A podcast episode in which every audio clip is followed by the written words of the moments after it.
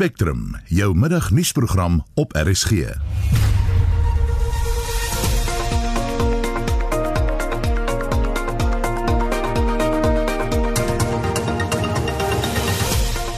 In vermiddag se programme kenner praat oor die jongste tendens van plaaslike COVID-19 infeksies. Fitch gee vyf Suid-Afrikaanse banke 'n verdere rommelstatus afgradering. Ons praat met die ekonom daaroor. Swart renosterpopulasies in Suid-Afrika neem stadig maar seker weer toe. We're managing to get rhinos to multiply a bit faster than they used to do. En rokers wag in spanning om te hoor of hulle twak weer vrylik beskikbaar gaan wees. Welkom by Spectrum. My naam is Susan Paxton. 9 minute oor 1 jy luister na Spectrum die minister van gesondheid Dr Zweli Mkhize het gisterand bekend gemaak dat Suid-Afrika nou 1353 bevestigde gevalle het. Die land het dit Vrydag amptelik op Grendel. Ons praat nou met die hoof van interne geneeskunde en infeksie siekte spesialis by Drie Militaire Hospitaal in Bloemfontein Dr Kloete van Vieren. Goeiemôre Kloete. Hallo Susan. Ngisi sê die koers waarteen nuwe infeksies uh, gediagnoseer word is platter as wat verwag is. Hy kon nie eintlik 'n rede hiervoor gee nie. Jou kommentaar daarop? Nee, ons krap almal ons koppe. Van die begin af het ek uh, ander die Vries in Londen van A Studio se data-analis trek en is my elke dag die grafieke van al die al die lande dan vergelyk dit met Suid-Afrika. En uh, ons het gekyk daarna die aanvanklik het die vorige in die laaste 8 dae, die eerste 4 dae het dit so met 209 gevalle per dag toegeneem. Die laaste 4 dae sien ons 50 nuwe gevalle per dag. En uh, ek dink een verklaring moontlik daarvoor is dat daai eerste klomp gevalle is almal toeriste wat uit Engeland en Italië en waar ook al af teruggekom het en hulle direkte kontakte wat hulle aangesteek het. En onthou toe die lughawens gesluit en daai klomp gevalle wat so in die land ingekom het, is gestop. Ek dink die tweede het ons ook enkel hierdie kerk uitbraak in Bloemfontein gehad, maar wat ook van buitelandse toeriste afgekom het. En uh, ek dink ons sien nou die effek daarvan. Tweedens ehm um, is die selfisolasie nou begin. Nou dit is sekerlik te vroeg om nog die effek te sien daarvan. Mens dink dat dit so 2 weke te vat. So die enigste ding wat ek aan kan dink is dat dit die sluit van die lughawe is en dan die selfisolasie wat begin effek het. As mens nou wat pessimisties wees, dan moet jy sê luister, is hier nie onder die oppervlak 'n klomp infeksies wat versprei en mense wat nie getoets word nie en ons weet net nie daarvan nie. En uh, ek my antwoord daarop sou eenvoudig wees as mens mens moet gaan kyk na die aantal toetse wat al die laboratoriums in die land, privaat en die publieke sektor laboratoriums doen. Hulle doen nog steeds 'n geweldige klomp toetse. Ehm um, en byvoorbeeld om 'n idee te gee gister in Bloemfontein uit 92 toetse wat hulle gedoen het, was daar net een positief. So dit is nie dat hulle te min toets nie, hulle toets. Hmm. Ehm um, so ek dink ons is baie laag op die eksponensiële kurwe. Ons het daai klomp ingevoerde gevalle weggevat en en as dit so laag op die eksponensiële kurwe is, beteken dat hierdie selfisolasie waarskynlik sy effek gaan hê. Die eerste geval is maandag in Khayelitsha aangemeld en die regering begin vandag met 'n grootskaalse skanderingsveld tog in afgeleë gebiede. Is dit moontlik dat die aantal bevestigde gevalle nou skerp kan styg? Ja, nee, kyk, ek dink dit was van die begin af die groot kommer as dit eers in hierdie gebiede versprei. Jy weet die die WNR met die ehm um, departement gesondheid en eintlik die universiteit van Pretoria het 'n eenheid vir multidissiplinêre samewerking en hulle het van die begin af 'n model probeer opstel um, om te kyk waar gaan die brandpunte wees en uh die hoofraad my gebel en ons het dit bespreek en sy gevoel op die ou end was ons moet fokus op armoede. En armoede is maar net 'n ander term van dig bevolking ek meen as jy vyf mense in 'n enkel vertrek woning bly en die volgende woning is direk langsaan kan jy dink wat die gevolge daarvan gaan wees. En dit is hoekom hulle so klem gelet het ons vinnig die ding onder beheer moet kry. Ehm um, en uh dit is ons kommer. So dis hoekom die regering ook nou al hierdie opsporingsspanne begin uitstuur wat hulle van deur tot deur gaan mense met simptome soek en hulle toets om te sien versprei dit nie hier nie of moet ons iets anders doen? Ehm um, en ek dink dit sal vir ons oor 'n paar dae baie beter idee gee van wat aan die gang is. Hmm. Mense wat in townships woon, eh, woon dikwels in klein groepe op een erf en huise is ook naby mekaar geleë. Is daar vrees dat die koronavirus vinniger in sulke gebiede sal versprei? Ja nee, verseker, jy weet en ek dink as ons nou hierso sit en jy stap in jou tuin uit in die oggend en jy drink jou koffie en jy kla oor die selfisolasie, dink aan daai mense. Ehm um, jy weet hulle sit groot hoeveelhede in klein vertrekkies saam en nou verwag ons van hulle om nie buite toe te gaan nie. Ehm um, een van die uh, mense wat saam met my werk sê, weet daar klein kind sit in die huis, sy mag nie eers uitgaan nie want hulle het nie 'n tuin nie. So wat maak hulle met die kind die 3 weke? So hierdie is nie 'n maklike ding van almal nie en ek dink ons moet dit tog aan ag neem. Nou enige raad aan mense wat nou saam woon oor hoe om die verspreiding te bekamp? Susan, ek dink die lang en kort van die ding is, beskou jou familie as 'n sirkel. En as jy daai sirkel toehou, kan die virus nie daarin kom nie. Die probleem is as jy oomblik daai sirkel met een persoon met 'n ander sirkel oorvleuel en daai moet nog een, kan jy baie vinnig 'n ketting kry wat reg rondom die wêreld gaan. En ek dink die die die ding gaan hier ook oor kudde immuniteit, né?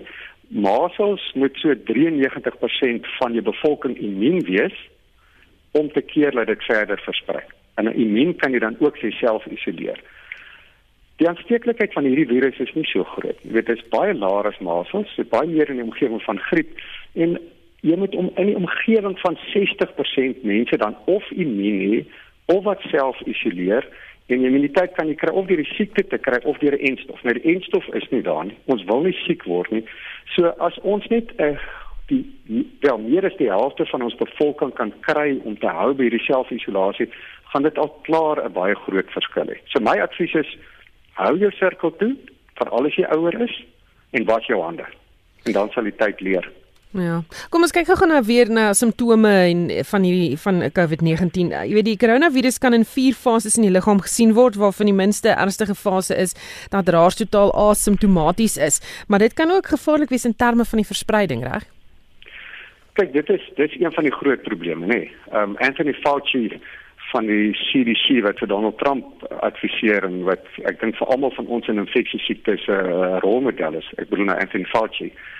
Ehm um, hy het gesê as jy 'n ding wil uh, skep wat groot probleme gaan veroorsaak, is dit 'n respiratoriese virus wat soos hierdie virus of griep versprei wat klomp mense asymptomaties is. Want dit is baie moeiliker om hulle op te spoor en te isoleer.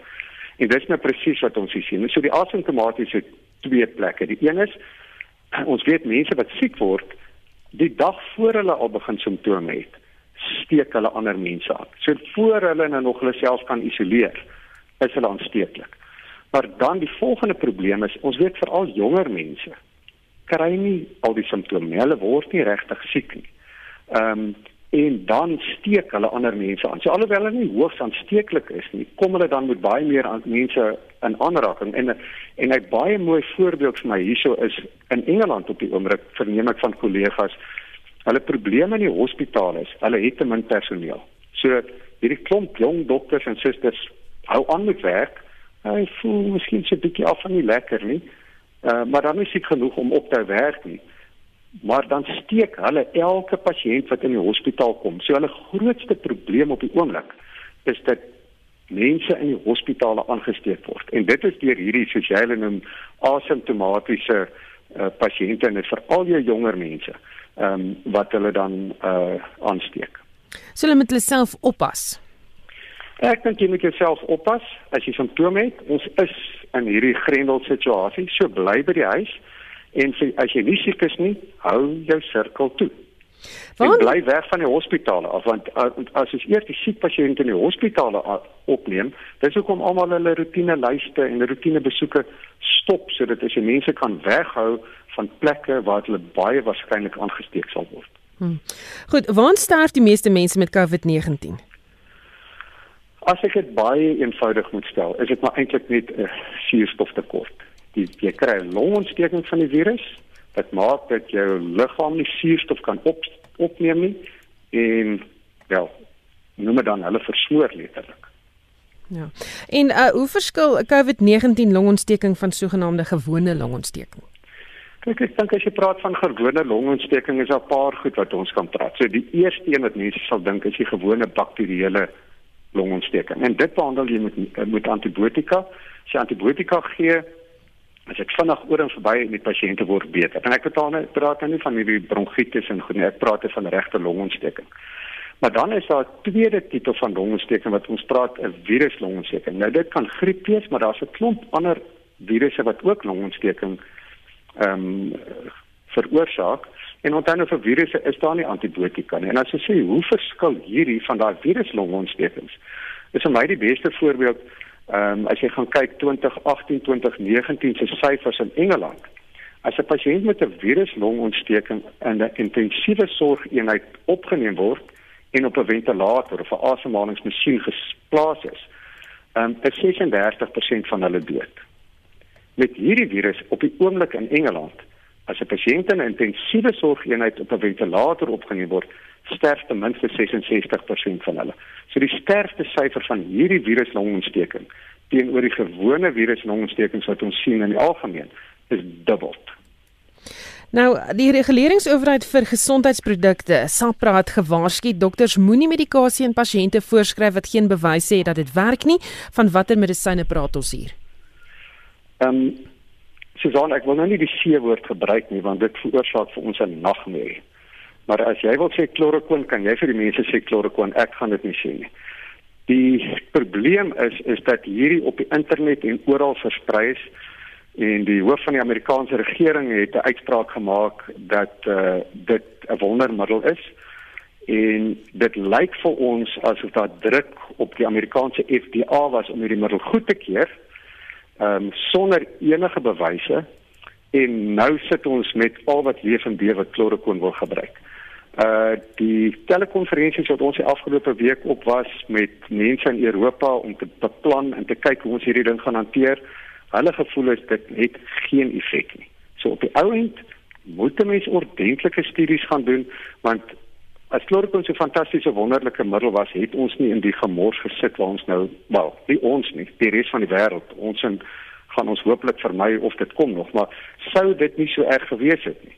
Dit is nie 'n wondermiddel nie en 'n mens moet gaan kyk en dit ordentlik ontleed om te sien of dit werk.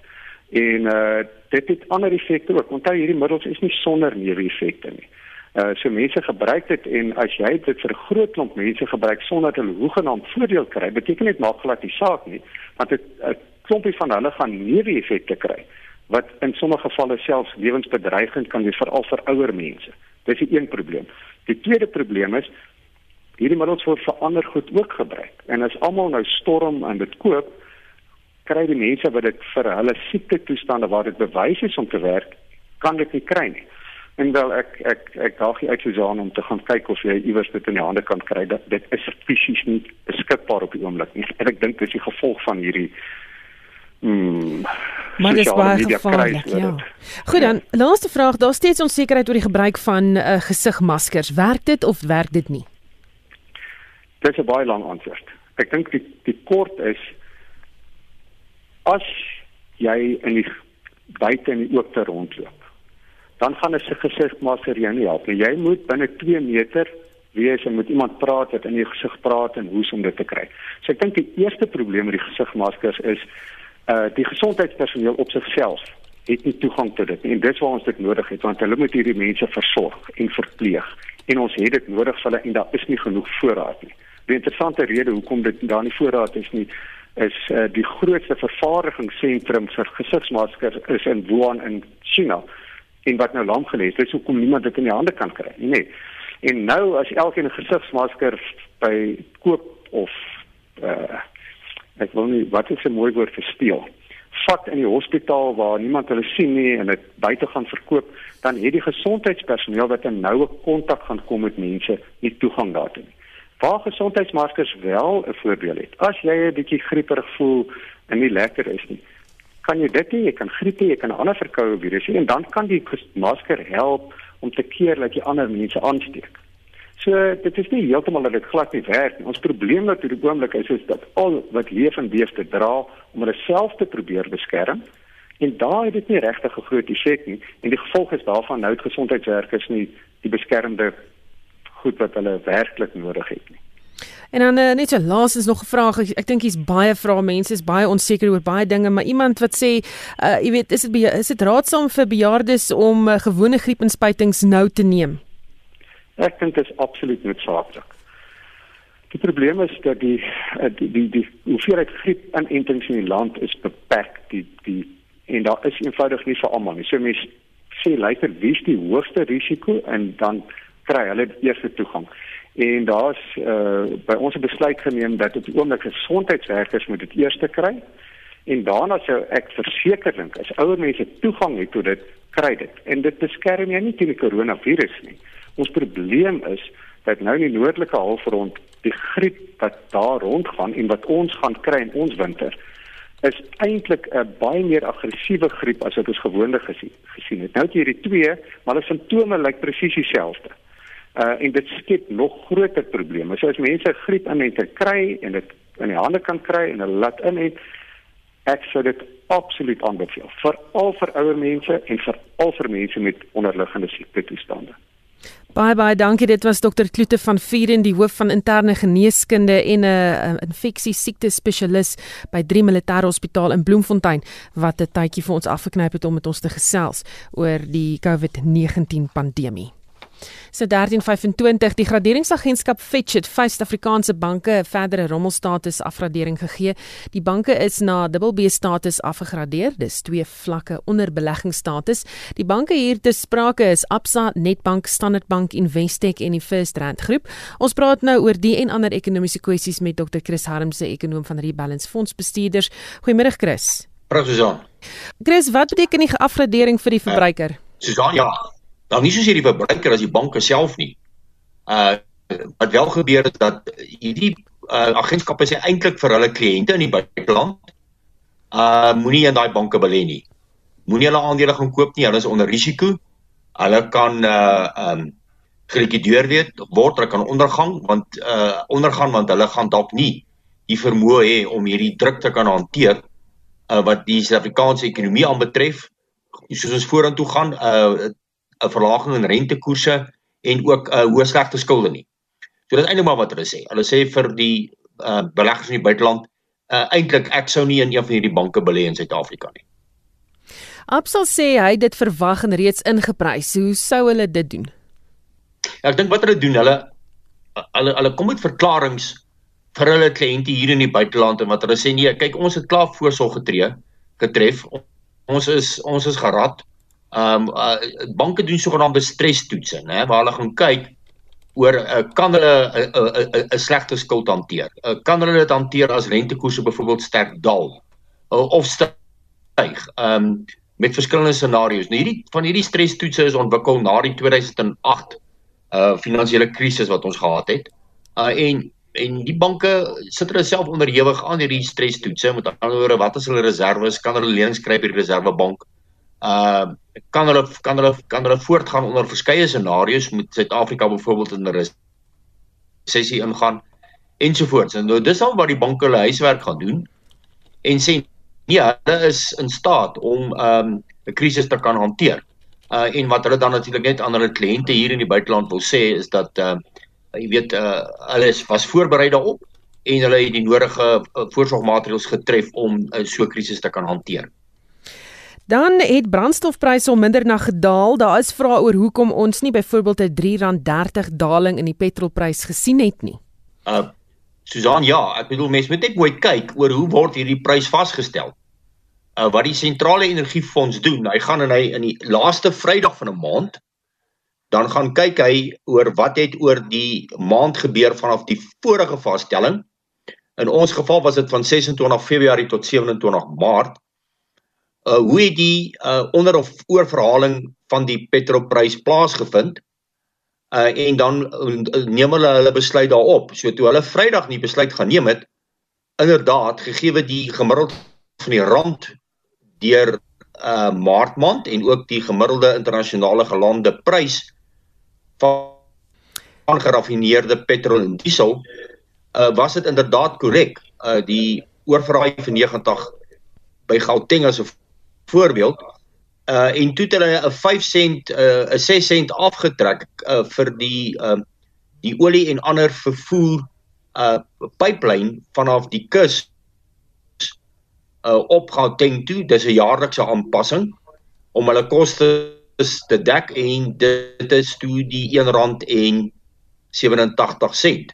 mense moet nou nie um, dit verwar dat as jy nou na die sentrale energiefonds gaan kyk, dan sien jy inderdaad ons is op die oomblik ehm um, wel onder verhaal met meer as 300 sent nie uh op hierdie stadium nie. Ehm um, en die waarheid te sê op petrol is ons 363 sent onder verhaal en dan dink dat die die die die petrol moes met 363 sent geval het en nie met 187 nie. Want daardie daardie syfer is nou uitgewerk vanaf die 27ste tot gister die 31ste. So hulle gaan nou hierdie gebruik met hulle volgende aanpassing aan die einde van die maand. Ehm um, so uh, wat wel gaan gebeur, sou die rand bly waar hy bly, uh net hier by R18 en die olieprys bly waar hy is, net hierso so by ehm um, 4.25 dollar vir die res van die maand dan behoort ons hierdie fantastiese verlaging te kry. Maar natuurlik, mense moet dit dophou. Uh sou die rand verstewig, ehm um, uh dan is dit tot ons voordeel uh as die olieprys skielik sterk styg, is dit tot ons nadeel. So dis 'n kombinasie van hierdie twee en ek moet sê as ek gaan terugkyk oor die laaste jaar of 2 het die uh het die sentrale energiefonds hierdie verhoging of verlaging baie baie streng deurgegee elke jaar elke maand behalwe as daar iets onvoorsiens gebeur het waar die owerheid of die heffings verhoog het of iewers 'n reservefonds opgebou het. Uh maar uh, ek kan luisteraars verseker dat hulle gee dit deur. Nou werkloosheidsversekering is ook tans 'n warm patat vir die meeste mense, baie wat reeds daarvoor moet aansoek doen terwyl hulle verpligte verlof moet neem of hulle werk verloor het. Sal die fonds al hierdie aansoeke om fondse kan betaal? Susan, ja, ek dink so. Hulle het 'n verklaring vanoggend gegee dat hulle gesit 35 biljoen, ekskuus 30 biljoen rand beskikbaar vir die verwagting van die uh uh, verhoogde werkloosheidsversekering eise wat hulle gaan kry in die volgende maand of 2. Uh, wat hulle wel net daar waarsku is die maksimum wat 'n persoon kan kry is R3500 per maand. Vir nou lyk dit vir my vir 'n periode van 3 maande, maar daar opeenhoping plaasvind in die administrasie daarvan dat die werkgewer moet probeer om vir die werknemer die 3500 te betaal en dan weer terug te eis by die werkloosheidsversekeringsfonds. Hulle het ook 'n uh, 'n uh, 'n uh, 'n webwerf beskikbaar gaan stel. Almal kan maar gaan kyk daarna uh op die uh op dit gaan Google op die uh, internet en dan kan jy hom kry waar hulle vir jou die stappe baie mooi uh uiteenset uh as werkgewer hoe 'n mens te werk moet gaan om hierdie sogenaamde coronavirus uh, 'n uh, werkloosheidsversekering fonds te kan intap. Baie dankie, dit was uh, Dr. Chris Harmse, ekonom van Rebalance Fondsbestuurders.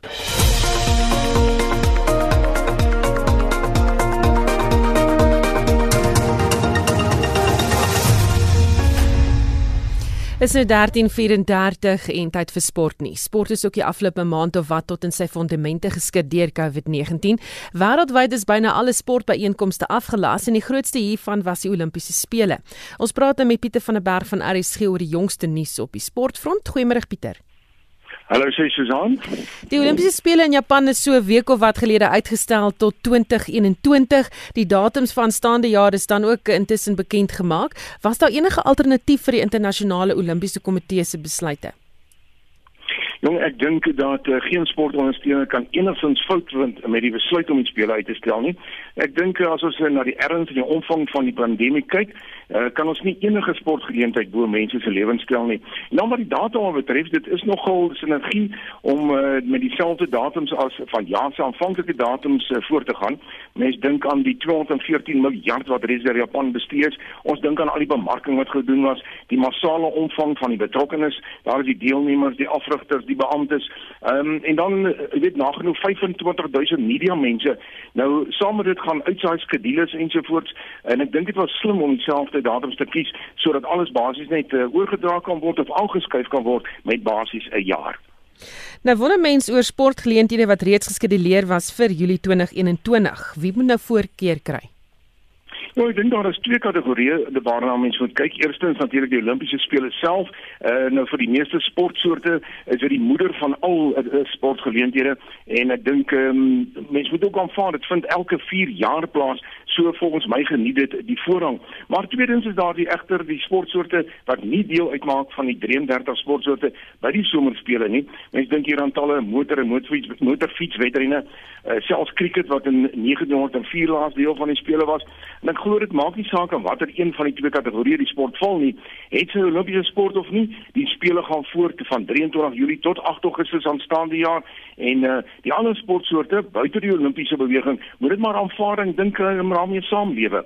En dan dan moet mense ook natuurlik eh, ehm uh, um, sê dat geen ander sportsoorte uh, of nie sê dat geen ander sportsoorte mag plaasvind nie as die Olimpiese spele vir daardie datums uh, geskeduleer is nou, uh, dan beteken dit daar gaan oorvleuelings wees. En uh, natuurlik met die datums, die media blootstelling, daar's borge wat in ag geneem moet word en uh, ek dink met uh, al die sport wat gekanselleer was, jy weet as mense kyk na die tyd daar daaraan verbonde, wil al hierdie sportsoorte en vir al die deelnemers en die borge en die afrigters, hulle wil terugkom op die veld, hulle wil weer deelneem. So ek dink uh, beide moet maar na mekaar kyk en is 'n bietjie van 'n vat energie situasie. Laastens Pieter, voorsien jy dat COVID-19 vir sekere sportsoorte die einde van hulle paadjie gaan beteken? Ehm um, ek dink sekere klubs en unies gaan tot nie gaan, jy weet, ehm um, as ons net kyk na die Australiese rugby as ook Amerikaanse rugby unies, het klaar hierdie week aangedui dat dat hulle bankrot is, maar ek dink sekerlik sal 'n klompie opstaan en sal hulle kan herstel, maar ehm um, net soos met die besighede sal heelwat klein besighede hulle deure toemaak en um, en ek dink nie uh, heeltemal oorleef nie. So die impak vir die kleiner sportsoorte, dit gaan baie beslis daar wees. Die ekonomiese impak uh, gaan beslis beteken dat van hulle van die toneel gaan verdwyn, maar ek dink dat as mens gaan kyk weer eens aan die ondersteuners, mens kyk na die afrigters, die deelnemers, dan gaan soveel moontlik van hulle probeer om te oorleef en natuurlik hoop ek vir die die mense betrokke by 'n spesifieke sport dat dit wel die geval kan wees. Baie dankie, dit was Pieter van der Berg van RSG Sport. En ons praat nou verder met Barry Hendriks, die waarnemende president van die Sport en Olimpiese Liggaam SASCOC. Goeiemiddag Barry. Goeiemiddag Susan en jou luisteraars kon die besluit uh oor die Olimpiese spele as 'n teleurstelling? Nee, glad nie. Ehm um, ehm um, die ehm um, rede waarom die spele nou ehm um, tot volgende jaar ehm um, ehm um, beweeg was, is was in in die interesse van ons um, spelers en ons atlete en ons uh, afrigters. En hoe gaan dit Suid-Afrikaanse atlete beïnvloed? Ehm um, daai atlete wat nou reg um, gepiek het vir um, Augustus, um, Julie en Augustus hulle moet nou verder ehm um, ehm um, hulle self berei vir volgende jaar maar moet, moet ook onthou dat daar was was 'n paar atlete wat 'n bietjie gesukkel het soos Wade ehm um, um, en nou kry hulle 'n volgende kans op beter en en en te doen in die volgende Olimpiese Moet Suid-Afrikaanse atlete nou weer kwalifiseer vir volgende jaar se spele? Nee, glad nie. Die atlete wat al klaar gekwalifiseer het, is is nog reg die wat nog nie gekwalifiseer het, hulle moet nou weer verder probeer as ons daardie um, um toernooie um, um die die datums van daardie toernooie um, gekry gaan kry. Baie dankie, dit was die waarnemende uitvoerende hoof van Saskak Barry Hendriks. Mense sal verstaan as 'n of verskoon word eerder as hulle vandag sê die volgende stelling is 'n April gek grap. Eskom sê daar word tans te veel krag opgewek. Weens die Grendelstaat is die verbruik van krag baie minder. Die woordvoerder van Eskom, Sikunati Mchansha, sê hierdie is 'n unieke situasie.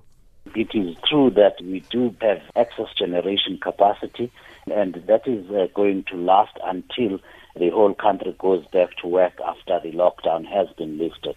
Machansha sê die land het tans nie die tegnologie beskikbaar om oortollige elektrisiteit wat opgewek is te stoor nie. We need to provide uh, the context here. What we have said to the wind power producers is because they generate mostly in the early hours of the morning, around 2, 3 a.m., which coincides with the least demand for electricity. We have said to them, we may have to interrupt you for a few hours over the next few weeks. So it's not total shutdown for any of them. They will just be interrupted or curtailed for a few hours on a few occasions during the next two to three weeks. And then any losses they have suffered in terms of the day, these will be added back to their contract. So in real terms, there will be no losses. They will be no worse off than they are right now. If whatever days have been taken off from them, they will be added back to their contracts. Hy sê verder dat sonkragopwekkers nie deur Eskom se bestuursplan beïnvloed gaan word nie. We do not foresee the possibility that we'll have to switch off. Remember, the solar plants are working during the day when the sun is bright. At that point, demand is quite high enough to be able to take the power in. There's no force majeure that will be declared on any other supplier as things stand. Unless, of course, there are drastic changes when it comes to the matter of lockdown. En dit was die woordvoerder van Eskom, Sikunati Mshansha. Ons beweeg na die sportveld met Shaun Jooste. Ons begin met rugby nuus. Die Nieu-Seelandse rugby het aangekondig dat alle personeel loonverlagings van 40% oor die volgende 3 maande aanvaar het. Die Unie vrees ook dat hulle ongeveer 100 miljoen Nieu-Seelandse dollar weens die koronaviruspandemie kan verloor. Daar word ook met spelers oor moontlike loonverlagings onderhandel. Sokker Die Engelse Premier League klub Tottenham Hotspur het 550 nuut spelende personeel is sy salarisse met 20% verlaag om kostes te bespaar. Die voorsitter, Daniel Levy, sê hoop dat spelers ook opofferings sal maak. Spelers van Barcelona, Juventus en Bayern Munich het reeds loonverlagings aanvaar om hulle klubs deur die moeilike tye te help. Die Premier League is tot 30 April uitgestel, maar kan dalk teen die einde van die week nog langer uitgestel word. Vier Premier Liga spanne, almal in die onderste helfte van die punteleer is ten gunste daarvan dat die seisoen nietig verklaar word. Dit beteken dat geen spanne gerelegeer sal word nie, maar ook dat geen kampioene gekroon kan word nie. En laastens, die legendariese voormalige wêreldkampioene, Bernard Hopkins en Shane Mosley, se induksie tot die bokswêreld se muur van bekendheid is tot 2021 uitgestel. Die Amerikaanse boksers sou tussen 11 en 14 Junie tydens 'n seremonie in New York vereer word en die byeenkoms sal nou tussen 10 en 13 Junie 2021 plaasvind. Shaun Jooste van RSG Sport. Die minister van vervoer, Fikile Mbalula, het sekere vervoerregulasies wat geld tydens die inperkingstydperk verslap om die taksi-sektor te gemoet te kom. Dit nadat Santaco gedreig het met 'n staking omdat die regulasies die sektor finansiëel sou benadeel. Van die regulasies sluit in dat daar 10 passasiers per taksi vervoer mag word. Die woordvoerder van die Nasionale Taxi Alliance, Theo Malele, sê hulle is nie gekant teen die inperkingstydperk nie. We actually are not against the lockdown per se.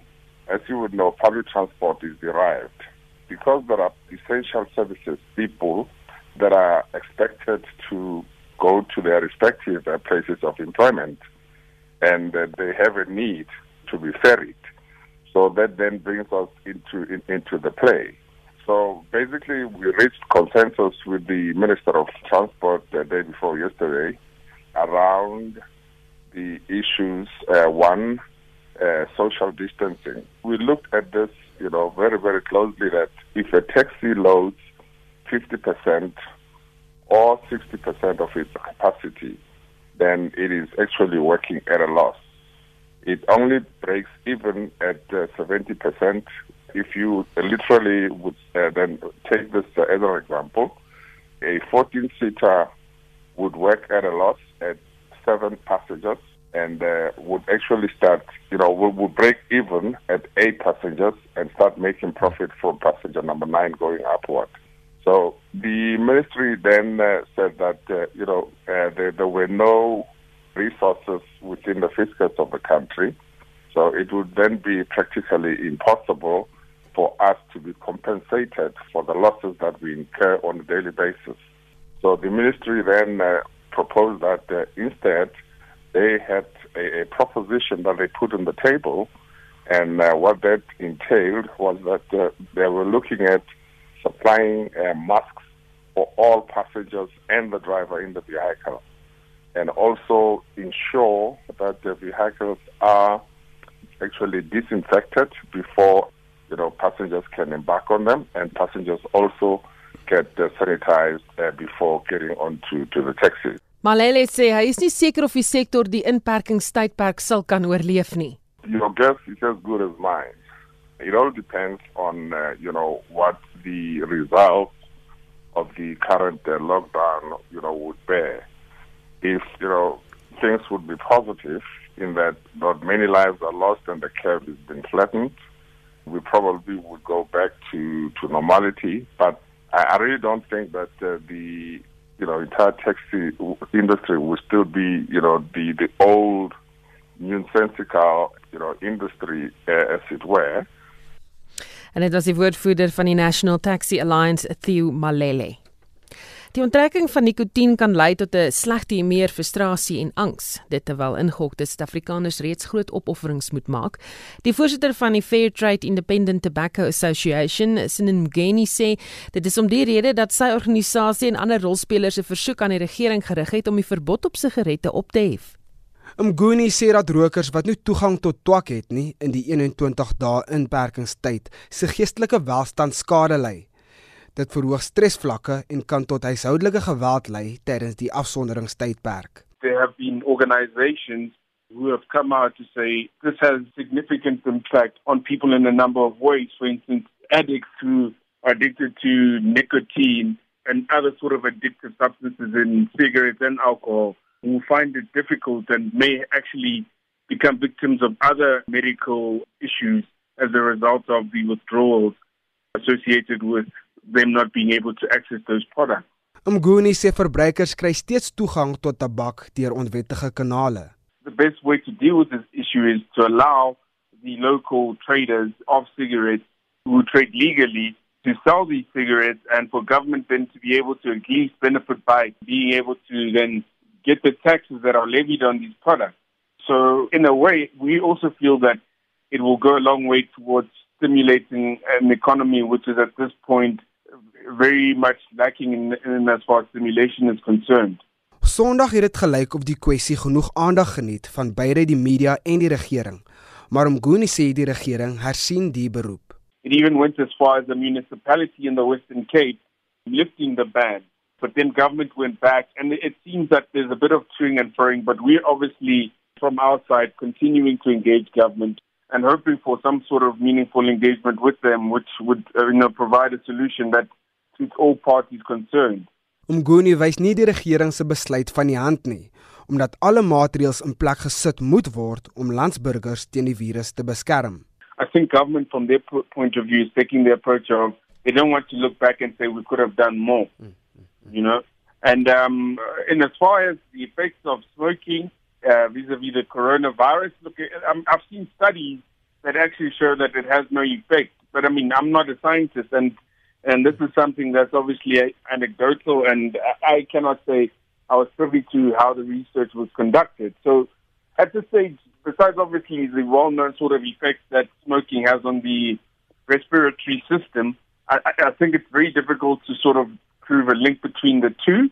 But I mean, government obviously, as as a custodian of all citizens of this country, um, has elected to take the safe approach, and you cannot fault them for that. And that's why we, we, we have taken the position of trying to negotiate. Dit was Sinen Umguni, die voorsitter van die Fair Trade Independent Tobacco Association.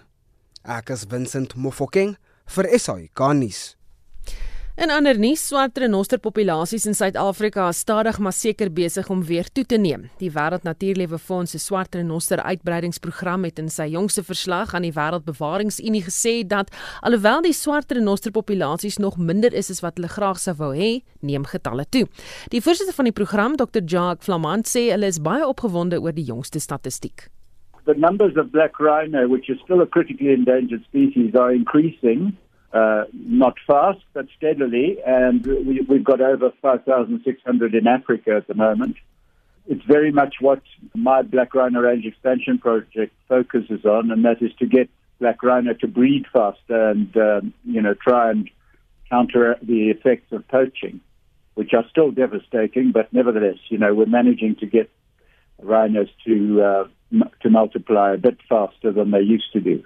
Flamand sê daar's verskeie redes hoekom die getalle nou toeneem. Well, anti-poaching is certainly playing a role. And what we have done, our method is to remove black rhino from existing populations, removing about 5 or 7% of those populations, and then putting all those animals as founders into a new place. So I spend much of my time looking for suitable blocks of land that can home about 50 black rhinos. So we put about 20 black rhinos at a time on a new uh, property and let them breed to about you know, well, less than 50 because we're wanting them to continuously breed. So we keep removing animals continuously every year and then use those animals for new populations. And it's worked. We've got in KZN for the first time in, in uh, many, many years, probably in historical times, we've got over 500 black rhino in KZN. Hy sê dat wit renosters steeds deur stroopers verkies word. It's still an enormous problem. And you mentioned the coronavirus period now. Uh, with with uh, reserves and with skeleton staff, we're a bit worried that poachers might have a field day. I'm not sure about that. I haven't had any feedback from our game reserves.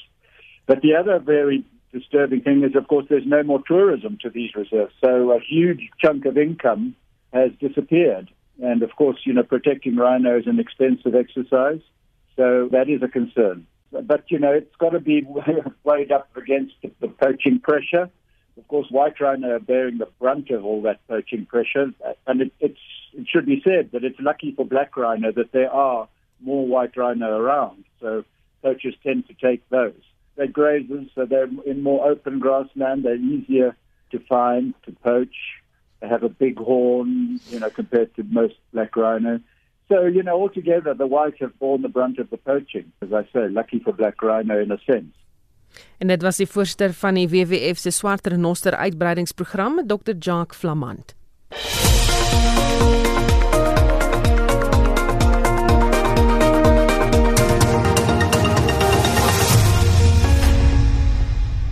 Die DEA sê die minister van Staatsdiens en Administrasie, Senzo Mchunu, se kop moet rol as hy toegee aan vakbonde wat aandring op 'n salarisverhoging terwyl die staat se koffers leeg is. Die DEA sê die staatsdiens se salarisrekening moet ten minste met 37 miljard rand besnoei word. Staatsdiensamptenare se salarisverhoging sou vandag betaal word in ooreenstemming met 'n 3-jaar ooreenkoms tussen die vakbonde en die staat. Maar die minister van Finansies, Tito Mboweni, het in sy begrotingsrede in Februarie al gesê dit is onmoontlik omdat daar bloot net nie geld is nie.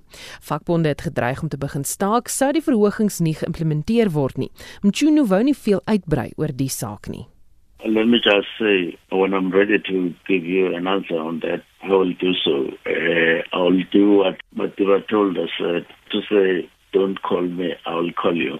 Uh, we will call you when we're ready to give you the answer. Op 'n vraag of die land homself moet gereed maak vir stakings deur die vakbonde nadat die inperkingstydperk verby is, wou Mchunu homself ook nie uitlaat nie. As I say, we we issued a statement yesterday to that effect just to clarify uh, to an extent about uh, the matter of commitment uh, to the matter but uh, as we've always said there are matters that uh, just require more work uh, between ourselves, that is uh, government and, and, and labor. And uh, for now, let me leave it at that uh, on that matter. En dit was die minister van Staatsdiens en Administrasie Senzo Mchunu. Vir amptelike inligting van die regering oor die COVID-19 virus kan jy die WhatsApp nommer 0600123456 gebruik. Stuur net 'n boodskap hi. Daai nommer net weer 0600123456. Ons groet namens ons waarnemende uitvoerende regisseur en vanmiddag se redakteur Wessel Pretorius. Ons produksieregisseur is Lewona Bekes. My naam is Susan Paxton.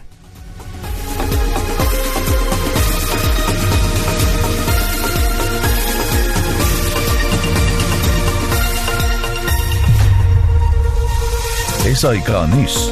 Onafhanklik, onpartydig.